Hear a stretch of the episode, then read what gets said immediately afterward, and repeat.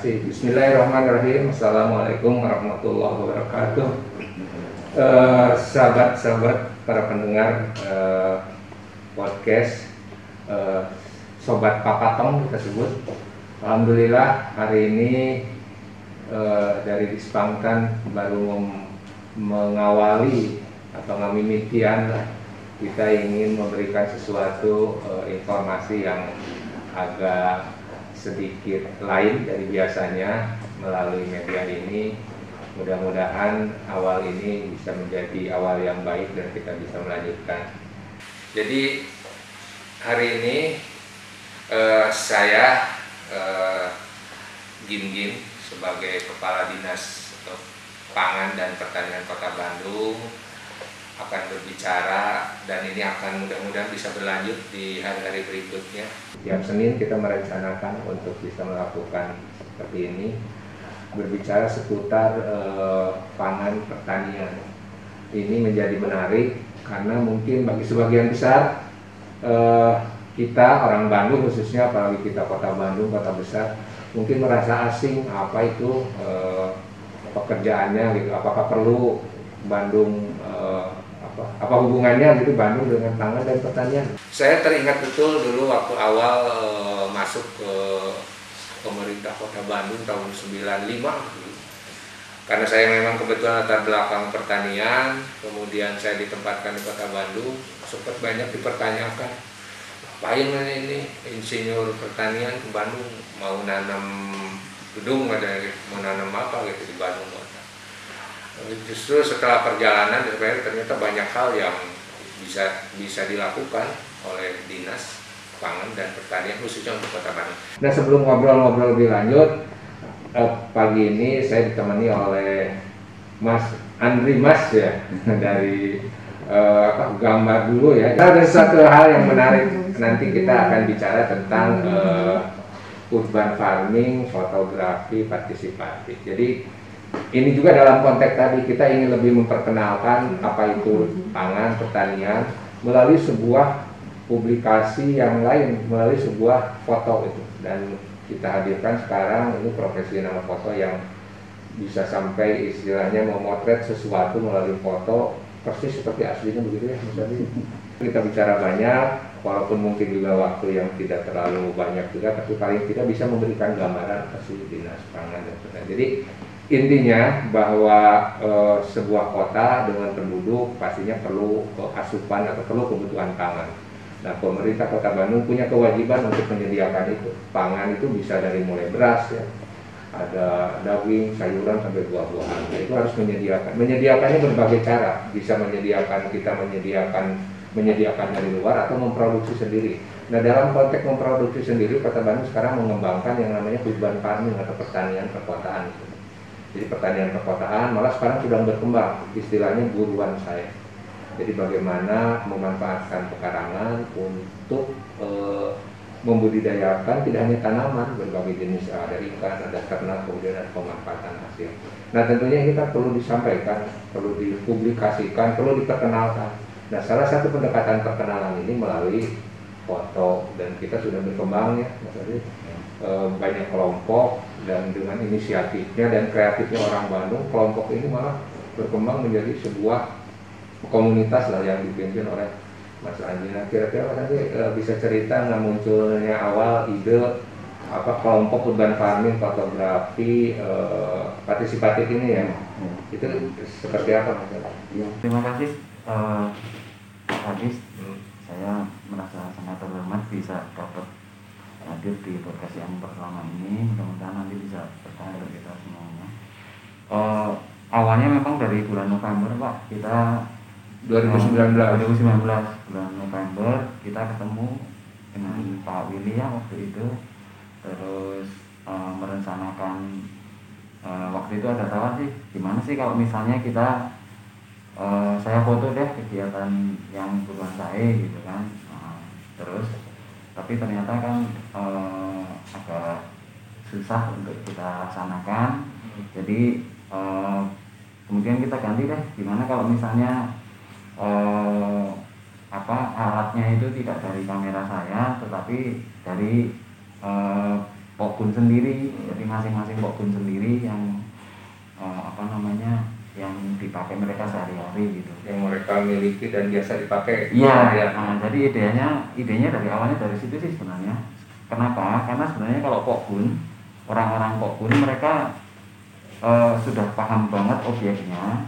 Tinggal saya menjembatani uh, skill fotonya saja gitu. Nah, nah kalau foto dia udah paham banget objeknya pasti akan bagus gitu. Hmm. nah akhirnya tanggal sekitar pertengahan November ya kita ngadakan workshop nah yang dihadiri oleh ibu-ibu waktu itu ada empat wilayah ya kecamatan Antapani kelurahan Neglasari kelurahan Riung. Riung Bandung. Ya Riung Bandung dengan uh, kelurahan Pajajaran gitu. Hmm.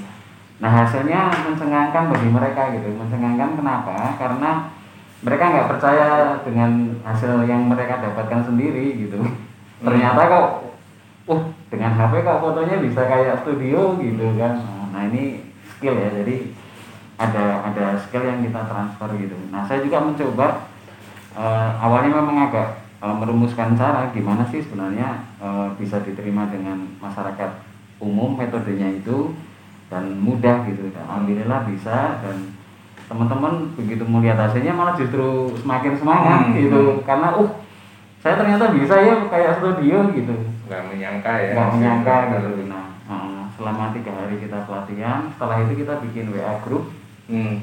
nah setelah WA group itu kemudian saya beri tugas gitu uh, coba kurasi uh, uh, dikirimkanlah fotonya satu-satu yang bisa setiap hari nah mereka kirim saya kurasi mereka kirim saya kurasi gitu. jadi efektif waktu itu memang di WA grup semua gitu nah kemudian karena semangat mereka juga nggak menyangka uh, bakalan bagus-bagus gitu fotonya saya kasih motivasi juga saya kasih nggak sekedar foto ya karena kalau fotografi kan aspeknya nggak cuma skill ya tapi ada non teknis lain misalnya kayak motivasi kemudian pengetahuan hmm. tentang hmm tentang objek, kemudian pendekatan objek, angle itu kan non teknis sebenarnya. Nah ini yang saya sebenarnya e, tambahkan ke mereka sehingga mereka tambah semangat.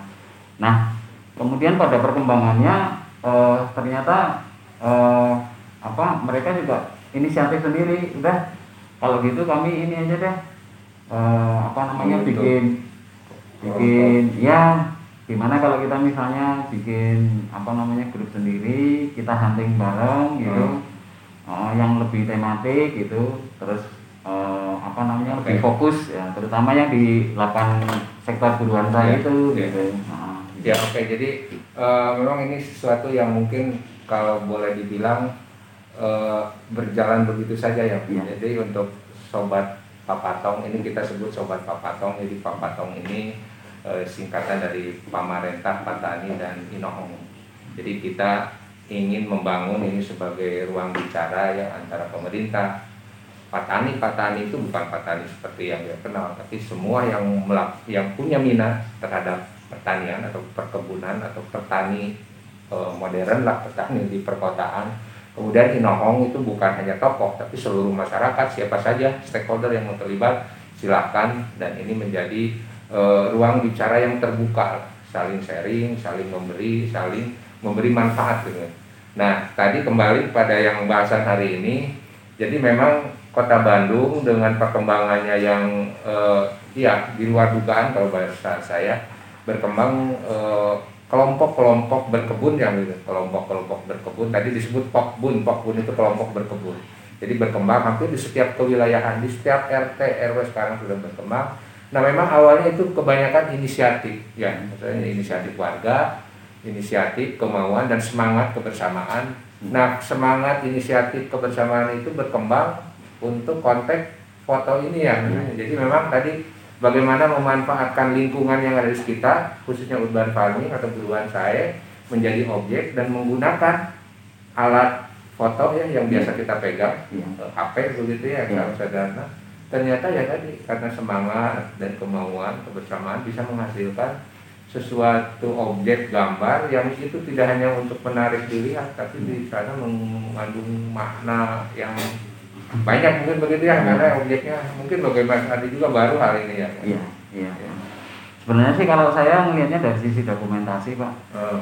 Oh, jadi eh, banyak misalnya dokumentasi-dokumentasi dari kita yang kurang menarik gitu. Artinya maaf fotonya foto save gitu. Foto save itu artinya asal gitu nggak memperhatikan ini jadi secara keindahan artistik atau etika itu kurang enak dilihat gitu bisa dilihat contoh ada nggak mas Ademanya? Enggak, silakan.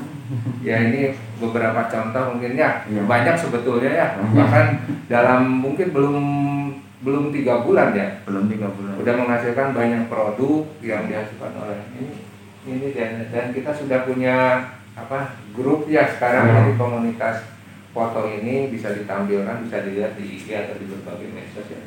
Nah, ini sebenarnya ini, nah ya, ini kalau ini menarik. beliau Pak Alvan memfoto sampai berapa kali ya? Mungkin puluhan kali lebih Hmm. baru dia bisa dapat gambar ini gitu. ini objeknya Objeknya cabai gendot cabai gendot ya yang Iya. ada di sekitar eh, yang di depan rumah dia, di pekarangan dia. Hmm. Next. Nah kalau ibu ini ini pertama foto langsung masuk kurasi. hmm, Jadi Bu Langsung Ayu ini sukses. langsung sukses, tapi dia nggak percaya, loh apa foto yang bagus, apanya yang bagus gitu. Jadi dia nanya sama orang-orang sampai malam itu, mas foto saya nggak bagus, kenapa masuk gitu? Bagus bu gitu. Nah, jadi setelah di, dibikin apa kalender gitu, jadi kelihatan jadi mereka oh gini ya maksudnya gitu. Jadi ini ada jawabnya ya, ada ada kesan tiga dimensinya. jadi Hmm. yang apa kategori menurut ahli fotonya ini yang bagus ini karena tidak hanya sekedar tampilan ke objeknya Mas. Iya, iya. Ini ada ada makna yang disampaikan juga. Terus kemudian kita mata kita kan kayak ngeliat tiga dimensi juga. hmm, Nah, jadi foto itu kan sebenarnya dari tiga dimensi kita foto dari dua dimensi gitu kan. Tapi kalau foto yang bagus sebenarnya tiga dimensi tetap tiga dimensi. hmm, Nah ini tiga dimensi ini kalau bisa dilihat kan ada ada efek itu ya, ada efek ininya lebih menarik. Nah ibu ini nggak percaya ini bagus gitu. Oh enggak nggak bagus gitu. hmm. Tapi setelah kita cetak gede baru dia oh iya saya baru paham gitu. Nah yang kesadaran kesadaran seperti ini sebenarnya yang kita ingin tampilkan. Next mungkin ini juga bapak ini juga nggak nggak nggak percaya lah. Ini juga lagi jalan-jalan pagi katanya terus saya iseng foto gitu ternyata bagus gitu. Terus saya nanya bapak paham betul nggak dengan objeknya? Paham betul. Nah itu sebenarnya. Jadi kalau udah paham betul objeknya mah bisa langsung ngerti gitu. jadi ini Pak Pak Dimin ya contohnya Iya. Kokbun Barayak Motekar ya Iya. bunga kaca piring putih dengan menggunakan HP ya Iya, HP HP. Ya HP. Nah, yang menarik sih sebenarnya HP-nya itu terus terang kalau kita eh, jadi saya tekankan di teman-teman, HP-nya itu memang HP yang tidak ada edit, tidak ada cropping, tidak ada gelap terang, tidak ada eh, apa flash, sama tidak ada eh, apa ya update-update yang lain lah. Jadi memang murni skill mereka gitu. Jadi saya ingin memang sebenarnya skill dari ibu-ibu itu kelihatan gitu. Dan alhamdulillah ini ya bagus ya. Ter- Hmm. terutama zoom juga kita nggak pakai zoom pak. Nah jadi kita langsung memang betul-betul kita deketin objek, kitanya mendekat dan hasilnya memang bagus-bagus. Hmm. Hmm, gitu.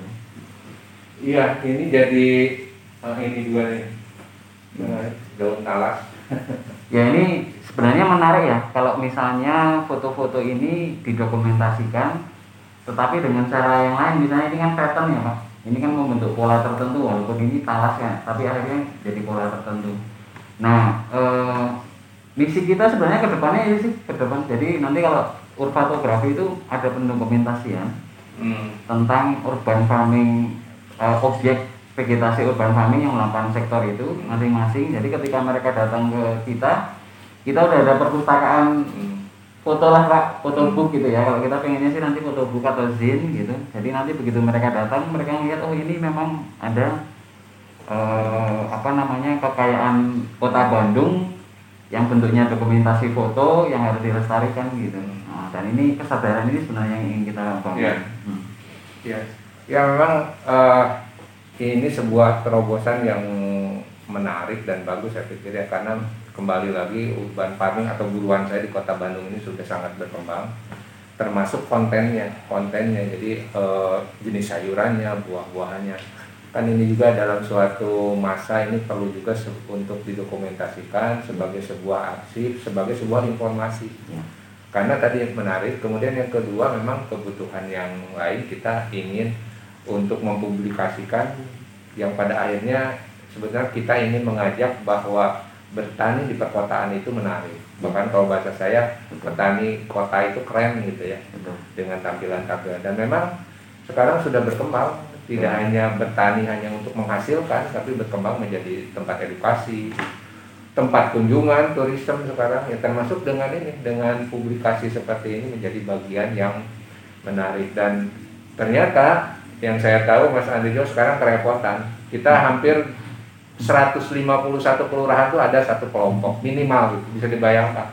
Setiap kelompok sekarang berminat ya, berminat untuk didampingi lagi tuh untuk bisa atau mampu melakukan seperti ini. Dan sekarang sudah beberapa contoh ya sudah mengembangkan foto itu menjadi sebuah apa menjadi kalender. gitu itu sebahan publikasi termasuk di medsos karena sekarang eh, informasi itu sudah eh, multi ya, ya. multi apa eh, platform gitu termasuk uh, ekposnya gitu. Atau apa penyebarannya sudah sangat ke mana-mana. Jadi ini menarik uh, nanti kita lanjutkan lagi. Oh masih ada uh, jadi tadi kalau disebut-sebut bahwa buruan saya itu ada delapan sektor nah ini juga perlu dijelaskan jadi buruan saya itu istilah kita itu buruan saya itu merupakan urban farming terintegrasi memang integrasi itu di dalamnya memang ada integrasi apa ada keterkaitan antar sektor. Ada delapan sektor. Di situ ada sayuran, ada buah-buahan, ada tanaman obat, kemudian ada ikan, ada ternak, ya, ternak itu bisa ayam dan sebagainya yang bisa menghasilkan. Kemudian ini yang menarik, ada pengolahan sampah sebagai kompos. Jadi organik atau sisa dari buruan itu menjadi bagian. Kemudian ada eh, kemandirian untuk menghasilkan bibit atau benih sendiri Kemudian yang terakhir yang sektor yang ke-8 itu pengolahan hasil. Jadi dari buruan saya ini diolah menjadi sebuah makanan, sangat mungkin juga nanti itu juga bisa jadi objek foto mas yang menarik. Nah ini tersaji dalam satu kawasan yang utuh dalam satu, sehingga ya tadi sebenarnya kalau perlu objek tuh banyak di sana ya. ya banyak objek. Itu mungkin mas nanti kita lanjutkan lagi untuk topik selanjutnya. Ini sesuatu yang menarik. Mudah-mudahan uh, ya kita bisa terus lanjut. Terima kasih. Jadi uh, tadi sudah ada gambaran lah. Uh, mudah-mudahan bisa dipahami, uh, bisa diketahui oleh kita semua. Ini sebagai satu apa ya kalau bahasa kita dari dinas itu sebagai satu langkah lah terobosan bagaimana karena tugas kita ini tidak hanya bagaimana mengedukasi gitu ya, kepada masyarakat untuk mau dan karena tugas utama di Spartan itu sebetulnya bagaimana memberdayakan keduanya itu bagaimana bahwa misi ini sampai ke masyarakat. Karena yang menjadi objek ini memang warga. Nah dengan perkembangan sekarang dengan karakteristik warga apalagi sekarang yang namanya kelompok itu kan banyaknya. Ya. boleh dibilang masyarakat apa ya masyarakat yang ya mungkin awalnya jauh ya dari apa dari pengetahuan atau karena yang menarik di urban farming ini banyak yang pada saat awal itu hampir merasa pesimis gitu apakah saya bisa gitu apakah saya mampu. Tapi kebanyakan setelah mencoba dan berjalan malah mereka sendiri merasa kaget dengan progresnya dan akhirnya menyenangi dan ini yang sesuatu yang menarik sehingga penyebarannya begitu uh, cepat dan memang itu yang menjadi harapan kita. Jadi nanti bagaimana masyarakat atau warga atau rumah tangga ini skalanya rumah tangga itu punya kemampuan untuk menyediakan pangan untuk keluarganya itu dari yang dibudidayakan di sekitar rumah gitu. Dan itu artinya kan juga perlu edukasi. Tadi perlu e, promosi lah begitu ya. Perlu publikasi. Nah, salah satunya melalui ini e, melalui urban farming fotografi ya. Dan ini e, e, sangat menarik dan malah kita punya rencana beberapa bulan ke depan atau minggu ke depan kita akan melakukan semacam pameran. Inginnya pameran besar karena kenapa besar? Karena ternyata yang minatnya banyak. Tapi nanti kita sesuaikan dengan situasi kondisi pandemi ya. Tapi intinya kita ingin mengekspos bahwa ini hal yang menarik dan perlu terus dikembangkan. Nah eh, lanjut Mas Andri. Mas Andri Mas jadi dua kali saya sebut. Uh, apa?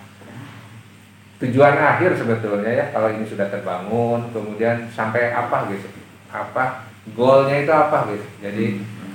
ya walaupun tadi juga sudah kita tidak hanya memotong gitu tapi kira-kira e, seperti apa yang tentunya bagi kita pemerintah ya ada efek e, dampak positifnya yang lebih iya terima kasih uh, teh boleh dilihat yang tag ini yang tag ini sebenarnya ah sebentar ke ke pos dulu ke pos dulu Ya, ini sebenarnya kita sudah soft launching ya Pak. Oh. oh tanggal 29 Desember kita ada soft launching untuk kamera. Ya ini kita sudah hmm. insya Allah akan nanti sepanjang tahun lah insya Allah kita akan ada kamera. Ya. ya. Terus, nah ini ada langsung ada uh, Pok pun yang langsung tertarik. Ini ya langsung mereka pengen udah kami ingin ini deh langsung saya bikinkan hmm. ininya gitu uh, workshopnya kemudian ini ini inisiatif dari mereka sendiri ya cuma saya cuma ini kan aja kemudian ada urban farming foto competition jadi ini ada Pok Bun yang udah mas kalau begitu ada ini deh hmm. uh, urban farming foto competition supaya lebih mengajari tentang uh, apa namanya urban farming itu gitu. Nah uh, bisa dilihat mungkin sebenarnya hadiah-hadiahnya juga ini gitu. Nah terus tag bisa dilihat yang tag. Nah ini ini hasil dari ibu-ibu ya. Ini uh, full hasil dari ibu-ibu. Dan itu uh, saya sengaja memang uh, sayurannya tidak berbentuk sayuran ya karena itu fotonya udah biasa banget gitu jadi kalau yang fotonya udah biasa nah saya udah biasa banget ini angle-nya juga ini dari bawah ada yang dari samping ada yang uh, tapi uh, ini muncul dari mereka semua dan kalau saya membayangkan kalau ini, ini apa dokumentasinya seperti ini ini akan lebih menarik untuk milenial pak. Hmm. Nah, jadi di kalangan yang menarik itu bagi saya itu Ya ini ulat ya pak. Ya ini maggot pak. Maggot ya. ya. jadi ini bagian juga dari uh, buruan saya yang ya ini untuk proses kompos ini yang kalau lihat aslinya mungkin sebagian menjijikan ya tapi ya. kalau lihat di foto ini malah jadi jadi apa jadi menarik dan jadi apa ya menyenangkan ya. juga terlihat ini kemarin kan sebenarnya kita udah hunting bareng uh, itu prosesnya dari yang di belakang pak jadi hmm. dari kotoran sapi kemudian diangkut dikompos kemudian uh, jadi mangkot. Nah itu kita foto semua walaupun kan ada yang muntah-muntah pak ibu-ibu tapi menarik bagi mereka menarik banget. Nah, kemudian uh, apa? Ya ini memang foto kita harapkan nanti jadi foto sendiri. Jadi misalnya gini pak. Uh, sekarang sudah hari ke 35 mereka saya tugaskan untuk memfoto dari dari 0 0 umur 0 ya sampai nanti panen gitu untuk foto tanaman yang mereka sukai gitu nah kita pengennya nanti ada dokumentasi itu pak hmm. misalnya tentang labu tentang labu madu nanti OCA yang bikin gitu hmm. terus tentang pakcoy nanti si B tentang apa namanya pagoda si C gitu hmm. jadi partisipatifnya begitu jadi dari hasil mereka sendiri, kemudian nanti kita tinggal membukukan, nanti kita kasih pelatihan tentang ya foto bukan gitu kan, jadi mereka paham gitu. Nah tahap awal memang kita lagi, udah ini fotonya bener dulu, angle-nya yang berbeda, hmm. nah, kemudian nanti kita kumpulkan dengan anu tertentu gitu. Nah sekarang kan ada sekitar 22 orang yang dia jadi kita persiapkan untuk trainer pak nanti otomatis saya kan kewalahan betul itu kewalahan yeah Nah, 22 orang itu nanti jadi TO, eh, trainer ya, TOT lah itu bahasanya TOT yang nanti akan mengajari yang lain. Hmm. Jadi benar-benar partisipatif banget gitu. Hmm. Kemudian tidak hanya partisipatif tapi juga peer educator sih sebenarnya. Hmm. Jadi pendidik sebaya, kalau pendidik sebaya lebih enak sih pak. Nah, saya mungkin sebaya dengan mereka jadi lebih cepat gitu. Ya ibu-ibu lebih cepat gitu kan. Nah, tapi menariknya gini, ini di IG gitu dan IG-nya mungkin bisa dilihatin namanya namanya Ah, nah ini namanya urfatografi ya. Ini juga saya mikir agak lama apa namanya gitu kan. Jadi urban farming fotografi urban farming fotografi gitu sebenarnya. Tapi sebenarnya ada partisipatifnya itu cuma kan nggak cukup ya. Jadi udah urban farming fotografi malah makin luas lagi gitu. Nah e, ketika sudah sudah ini sudah terkumpul nanti ada TOT nanti e, dibukukan nanti ada butuh bootcamp hmm. nanti kita pengennya terus terang mimpi besar teman-teman juga nanti ada ada perpustakaan vegetasi hmm. urban farming gitu pak. Ini belum pernah ada sih di dunia mungkin ya, ya, ya betul. jadi yang kalau fotografer mah udah wah saya bisa gitu bikin gitu. Tapi kalau muncul dari ibu-ibu itu menarik banget. Dan itu menjadi dokumentasi yang sangat menarik karena partisipatif. Hmm. itu yang pertama. Kemudian yang kedua uh, uh, ada ada aspek bela negara di situ hmm. nah ini menarik. Ya, bela negara jadi, masuk ke sini. benar. Jadi aspek bela negara begini? Kenapa? Begitu begitu. Ini kejadian ya misalnya pak pak siapa namanya? Pak Ozi yang bikin OTG gitu. Hmm. tiba-tiba dicontoh sama orang lain tanpa ini gitu kan tanpa hmm. ada ini. Nah itu kalau kita udah bukukan dulu udah dokumentasikan walaupun bentuknya foto nanti itu akan menjadi heritage ya warisan warisan urban farming kota Bandung itu yang harus itu. Jadi sebenarnya tugas teman-teman itu yang di kita ini menjadi bahasanya apa ya pejuang urban farming hmm. pejuang visual urban farming gitu. Mujahid mujahid. Urban farming lah gitu. Yeah. jadi uh, mereka nanti akan mendokumentasi tapi dari mereka sendiri gitu. Nah yang menarik ini medianya media IG gitu. IG itu kan 35 tahun ke bawah sementara hmm. kita sebagian besar 35 tahun ke atas gitu. Jadi kita melakukan hal yang kita senangi tetapi justru goalnya untuk milenial gitu. Ini hmm. yang menarik gitu. Nah kemarin kita sempat sempat diskusi dengan teman-teman yang lain juga. Pak kenapa nggak ngajak milenial? Hmm. nah milenial tuh ada ada ada kekurangannya juga bukan kita nggak mau gitu ya. Misalnya masalah komitmen mereka masih goyang gitu. Bener gak terus apa masalah belum out lah gitu. Jadi masalah kesetiaan ya. Betul saya saya beruntung betul pak masalah kesetiaan. Jadi beruntung ketika kita masuk dengan ibu-ibu dan bapak-bapak itu out betul gitu. Jadi justru malah kelebihan gitu. Nah, tapi ini ini untuk milenial gitu. Ini yang menarik sih gitu. Kemudian dimensi lain yang kita dapatkan pak. Jadi ada ada ada kebun di Pajajaran di rumahnya Pak Ana. Pak Ana punya anggur gitu. Hmm. waktu saya datang ke sana wah anggurnya bagus tuh hijau. Saya moto nggak bisa pak. Saya foto gini aduh ada yang menghalangi belakang. Saya foto ke sini nggak bisa halangi semua sisi nggak bisa. Hmm. akhirnya saya sampaikan ke Pak Ana Pak Ana saya nggak bisa moto. Padahal saya pengen banget moto. Jadi maksud bapak gimana? Ini tempat nggak ramah fotografer pak. Oh. itu bahasa saya begitu. Jadi maksud bapak gimana? Ya ditata lah yang bagus gitu supaya nanti enak. Dan bahasa itu mengenal ke pokbun pokbun dan alhamdulillah sekarang ada penataan ya. Kemarin kan masih agak kurang kurang enak dilihat ya maaf. Banyak sampah seadanya gini. Sekarang saya dengan bahasa ayo kita apa ramah fotografer gitu tempat ramah fotografer kan cuma lihat IG cuma hmm. apa e, kafe cuma segitu tempatnya ada empat apa tempat tidur eh, tempat kursinya ada empat tapi di medsos kayaknya kelihatan bagus ya begitu nyampe loh. Kok cuma gitu aja gitu. Nah aspek-aspek yang seperti itu yang kemudian menimbulkan kesadaran oke okay, ini ditata dengan bagus gitu. Hmm. nah ini sudah ditata oleh yang Riung, Jasmine dan beberapa yang lainnya hmm, kayak yang Sweet Antapani nah yang setelah ditata itu ada kesadaran baru. Kalau begitu kita ini deh uh, apa kayak leveling itu pak. Jadi step step ini hmm jadi buruan saya itu kan sebenarnya ada stepnya ya. Yeah. Jadi ada ada dari kompos dulu, baru ke sini ke sini ke sini. Nah, saya bikinin peta. Udah saya kita bikin peta kita bareng-bareng. Jadi semacam kayak PRA lah kalau bahasa kerennya. Hmm. Participatory participatory rural appraisal ya. Jadi kita pendekatannya pakai itu, kita bikin peta, yuk nanti petanya bagaimana. Nah, ini udah jalan gitu. Cuma memang terkendala masalah pendanaan dan SDM. Biasanya masalah itu, tapi klasik lah mereka tetap bisa jalan gitu. Nah, uh, kemudian setelah tertata dengan bagus itu jadi wisata kak hmm.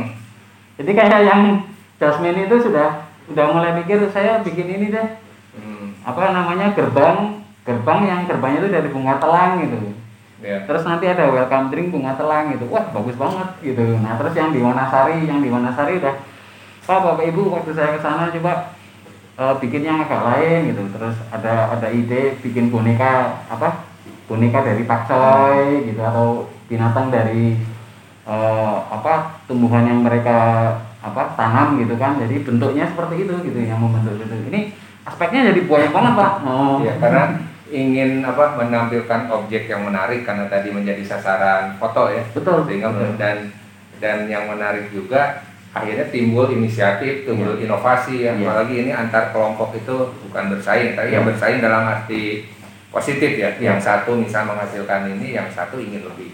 Nah ini juga jadi mendorong semangat itu ya, betul sehingga tumbuh dan iya s- kami juga saya gitu dari dinas dari pemerintah juga betul-betul surprise gitu apalagi ya kalau perjalanan awal kan kalau bahasa saya teh yang iseng-iseng gitu kita foto-foto gitu ya ternyata ini eh, apa menghasilkan sesuatu yang yang ya di luar dugaan dan bukan di luar dugaan. Dan dampaknya ternyata memang menjawab kepada kebutuhan atau kondisi atau permasalahan eh, kota ya khususnya terkait dengan urban Betul. dan saya pun udah agak sedikit berbicara dengan Pak Wali Kota waktu ada kita ketemu. Saya juga bercerita sedikit nih mas tentang ini. Hmm. dan beliau betul-betul eh, apa eh, surprise itu. Dan baru enggak begitu ya ternyata sesuatu yang iya gitu. dan ini menjadi semangat juga ya buat kita mas eh, untuk terus mengembangkan ini apalagi ini kan yang menarik itu mereka itu tumbuh dari diri sendiri gitu. Betul. mereka mengelola urban farming sendiri Betul. kemudian mereka ya tadi memproses termasuk menampilkannya sehingga kecintaannya eh, berbeda atau mempunyai nilai lebih nah ini mudah-mudahan nanti bisa hasilnya tentu dicontoh ya oleh eh, warga oleh masyarakat kota Bandung khususnya. Sehingga pada saatnya nanti ini bisa menjadi kalau saya berharap sih urban farming atau buruan saya menjadi semacam apa ya habitat baru lah. bukan habitat apa ya kebiasaan baru lah. atau profesi baru lah kesenangan baru bagi warga kota Bandung. Nah, ini yang menarik pak. Kemarin ada ibu-ibu yang dia sharing gitu ya di grup gitu. Ya kayaknya mainannya ibu-ibu terus jadi memang kalau bikin program kadang-kadang kalau dengan ibu-ibu lebih berhasil Pak, daripada bapak-bapak gitu.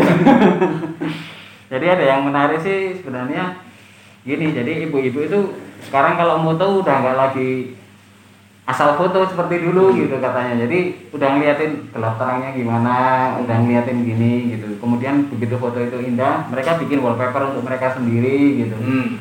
jadi ini menarik sih gitu. Ya mungkin jangka panjang nanti kita akan akan dokumentasi kan bisa nanti bisa dimensinya juga banyak kan. Bisa jadi untuk warisan bisa jadi untuk kita komersialkan atau yang lain tapi tetap nanti kita ngelihat perkembangan gitu. Tapi di dimensi yang lain kita juga ada ada terapi ya jadi ada ada apa ibu-ibu juga merasa ter ya healing gitu ya jadi Iya. healing healing apalagi juga. sekarang nih dalam kondisi betul pandemi ya betul jadi ada Orang- hiburan baru gitu Dan ini menarik juga satu hal nih, Iya. dalam kondisi pandemi memang minat itu menjadi banyak, menjadi tinggi gitu karena orang juga eh, lebih banyak mungkin di rumah, kemudian tadi ingin sesuatu yang baru dan ini ada penelitian yang menarik walaupun saya perlu klarifikasi juga. Jadi memang dengan adanya aktivitas berkebun Iya. di masa ini ternyata meningkatkan tingkat imun.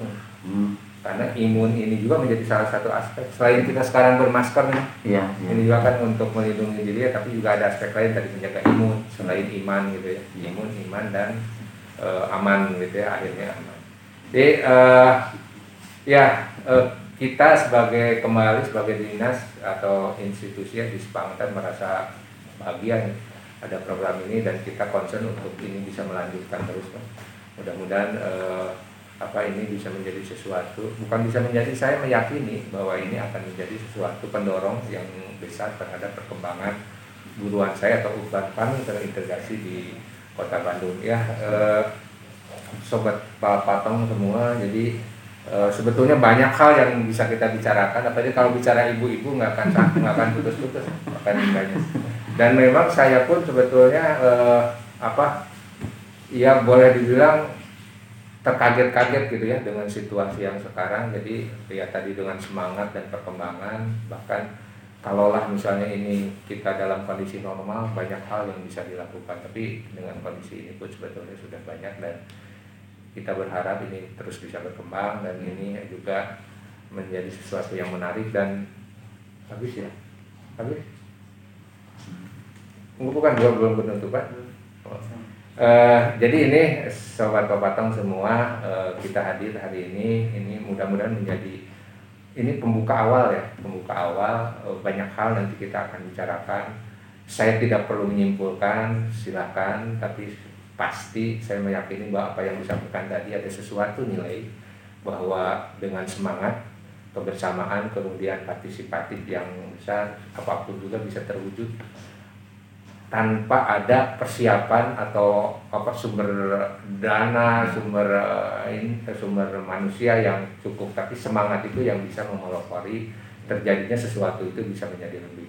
Itu mungkin ya e, untuk hari ini e, sekali lagi saya senang bisa hadir hari ini. Mudah-mudahan minggu depan kita akan agendakan Insya Allah setiap Senin ya, jam 12 mungkin kalau bisa kita akan terus lanjutkan dengan berbagai topik materi termasuk eh, pembicara ya. Kita akan coba mencari sesuatu yang agak sedikit lain tapi menarik dan tentunya bermakna. Itu saja terima kasih ya.